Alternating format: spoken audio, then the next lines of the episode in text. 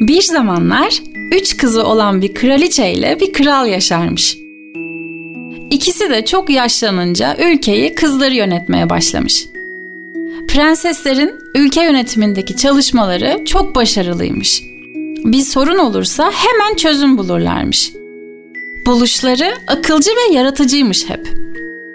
Başka ülkelerin yöneticileri kız kardeşlerin başarısının sırrını merak edip prenseslerden bilgi alırlarmış. Prenseslerin her birinin ilgi alanı farklıymış. Büyük abla bahçıvanlığa, ortanca olanı müziğe, kardeşlerin en küçüğü ise hikaye yazmaya meraklıymış. Küçük prenses fırsat buldukça kraliyet sarayının yakınlarındaki ormana gitmeyi, yaşlı ıhlamur ağacının altındaki kuyunun yanına oturup hikayeler yazmayı, dinlenirken de altın topuyla oynamayı çok severmiş. Sıcak bir yaz günü serinlemek için ormandaki kuyunun yanına gitmiş prenses. Orada neşeli orman perilerinin maceralarını anlatan bir hikaye yazmış. Sonra da çantasından topunu çıkarmış.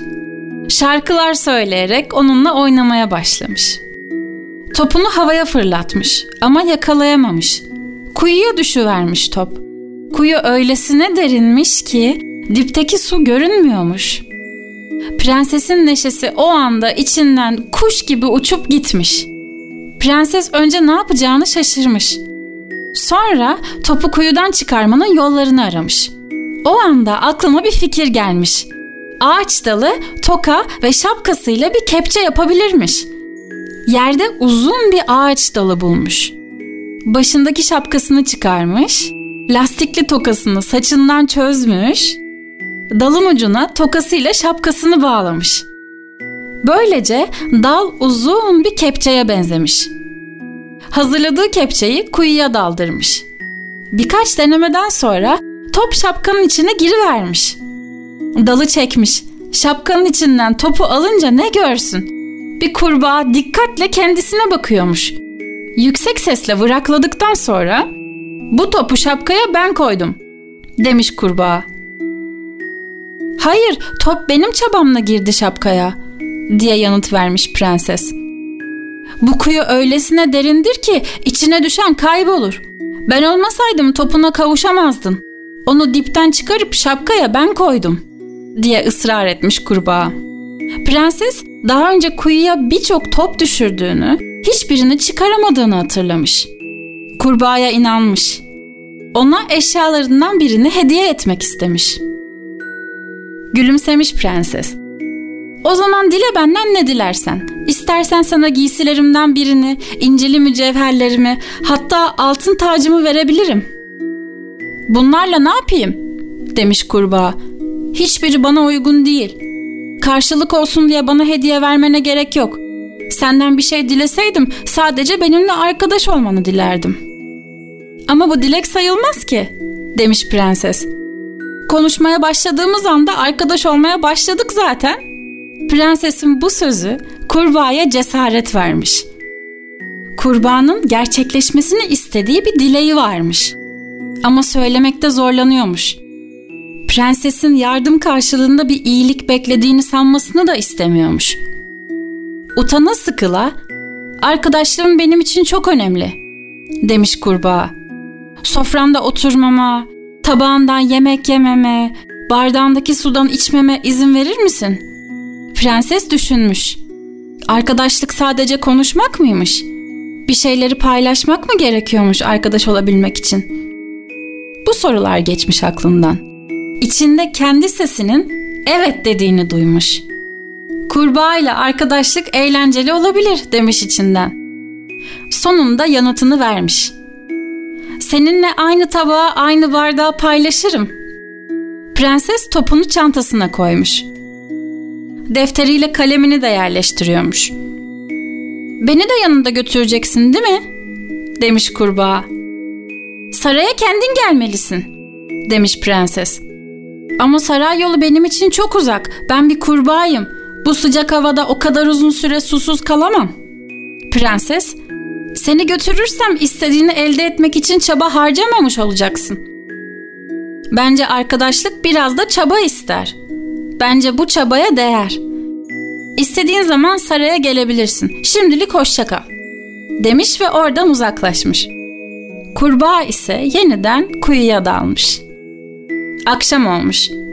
Prenses ailesiyle masaya oturmuş yemek yiyormuş. Salon sessizmiş. Lütfen kapının açılmasına izin verin diye bağırmış kurbağa. Prenses sesi tanımış. Kapıyı açmış. Demek o uzun yolu aşmayı başardın demiş. Ama lamba ışığının altında kurbağanın benekli, kaygan derisi prensese pek de hoş görünmemiş. Kapıyı kapatmış. Annesi, babası, ablaları ona merakla bakıyorlarmış. Kapıyı niçin öyle kapatmış? Az önce kimle konuşmuş? Bir kurbağaydı, demiş prenses. Ailesine başından geçenleri, kurbağaya verdiği sözü anlatmış. Şimdi bunların hiçbirini yapmak istemediğini söylemiş. En büyük ablası, hatırlasana, demiş. Bir arkadaşın yazdığın hikayeye resim yapacaktı. Vazgeçtiğini söyleyince nasıl da üzülmüştün.'' Sözümüzü tutmadığımızda içimiz hiç rahat olmaz, demiş diğer ablası. Söz verdiysek yapmalıyız, demiş babası. Kararını kendin vermelisin, demiş annesi. Ama acele etmelisin. Kim olursa olsun hiç kimseyi bekletmeye hakkımız olmadığını biliyorsun. Prenses kurbanın üzülmesini istemiyormuş. Kararını vermiş. Yeniden neşeyle dolmuş içi. Acaba bir kurbanın en sevdiği yemek ne olabilir? demiş. Ablaları gülmüş. Prenses kapıyı açmış. Hadi sofraya gel. Deyince son gücüyle masaya zıplamış kurbağa. Yorgunmuş. Önce su verir misin? demiş. Prenses hemen geniş bir kap bulmuş ve içine su doldurmuş. Suya girer girmez kurbağanın yüzü gülmüş. Bu gülen yüz prensese çok sevimli görünmüş. Prenses kurbağayla aynı tabaktan yemek yemiş. Kurbağa, uzun zamandır yemeğimi yalnız yiyordum. Ailemden uzaktayım. Onları çok özledim. Hep birlikte yemek yemenin mutluluğunu hissediyorum şimdi. Teşekkür ederim, demiş.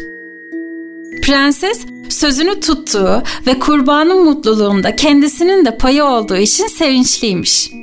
Yemekten sonra prenses elini uzatmış. Kurbağa bu narin elin üstüne zıplamış. Prenses kurbağayı odasına götürmüş. Ona niçin ailenin yanında değilsin diye sormuş. Kurbağaların aileleriyle yaşadığını sanıyordum. İyi kalpli prenses, beni anlamak istiyorsun. Anlamak istediğin için de sana hikayemi anlatabilirim, demiş kurbağa. Prenses dikkatle dinlemeye başlamış. Bir zamanlar çevremdeki insanlarla alay ediyor, onlara kırıcı sözler söylüyordum. Kızların aklını, bilgisini küçümsüyordum. Sadece insanlara mı, hayvanlara da kötü davranıyordum. Güvercinlerinin su kaplarını sakladığım bir büyücü kurbağaya dönüştürdü beni. Biraz da hayvan olarak yaşa. Onların hayatındaki zorlukları öğren dedi.'' Sadece akıllı, cesur bir kızın bu büyüyü bozabileceğini söyledi. O kız arkadaşlığını kabul ederse, seninle kendi evini, yemeğini, duygularını paylaşırsa eski haline dönebilirsin dedi. Sonra da getirip beni ormana bıraktı. Evimin yolunu kaybettim. Yeni bir yuvaya alışmak kolay değildi. Zamanla birini kırmanın ne kadar kötü olduğunu anladım.'' Birbirimize iyi davrandığımızda her şeyin birdenbire güzelleşebileceğini öğrendim. Kurbağa susmuş. Geçmişte kalsa bile yaptığı kötü davranışlarından utanmış. Gözünden bir damla yaş süzülmüş. Prenses de onun gözyaşını silmiş. Başını okşamış. Kurbağanın duygularını anladığını hissetmiş. Onun üzüntüsünü kendi içinde hissediyormuş. İşte o sırada Kurbağa birdenbire insan olmuş. Prensesin karşısında kendisiyle aynı boyda, aşağı yukarı aynı kiloda bir genç varmış. Teşekkürler prenses demiş ve kendisini tanıtmış. Komşu ülkedeki prenslerden biriymiş. Prenses geçen yıl ülkelerini ziyarete gelen bir grup yöneticinin kaybolan prensi aradıklarını hatırlamış. Demek o kayıp prens sendin demiş. Kayboldum ama sonunda iyiliğin, eşitliğin anlamını buldum, demiş prens. İki arkadaş gülümsemiş, kol kola girmiş ve sarayın toplantı salonuna doğru yürümüşler. Prenses ailesine kayıp prensin yemekten bu yana sarayda olduğu haberini vermiş. Haber kısa sürede yayılmış. Prens sevdiklerine kavuşmanın tarifsiz mutluluğunu yaşamış. O yıl iki komşu ülkede eşitlik yılı ilan edilmiş. Bu sürede kızlarla erkeklerin birbirleriyle eşit olduğunu anlatan birçok hikaye yazılmış. Bunlardan birini de prenses yazmış. Eşitlik hikayeleri dilden dile anlatılmış, öyle ki bu hikayeler yaşamın bir parçası olmuş. Herkes için hayat artık çok daha neşeliymiş. Prensle prenses o günden sonra birbirlerinin en iyi arkadaşı olmuş. Ülke yönetiminde söz sahibi olduklarında da birbirlerine yardım etmişler. Prens, prensesten sık sık fikir alırmış. İkisinin de verdiği kararlar herkesi mutlu etmiş.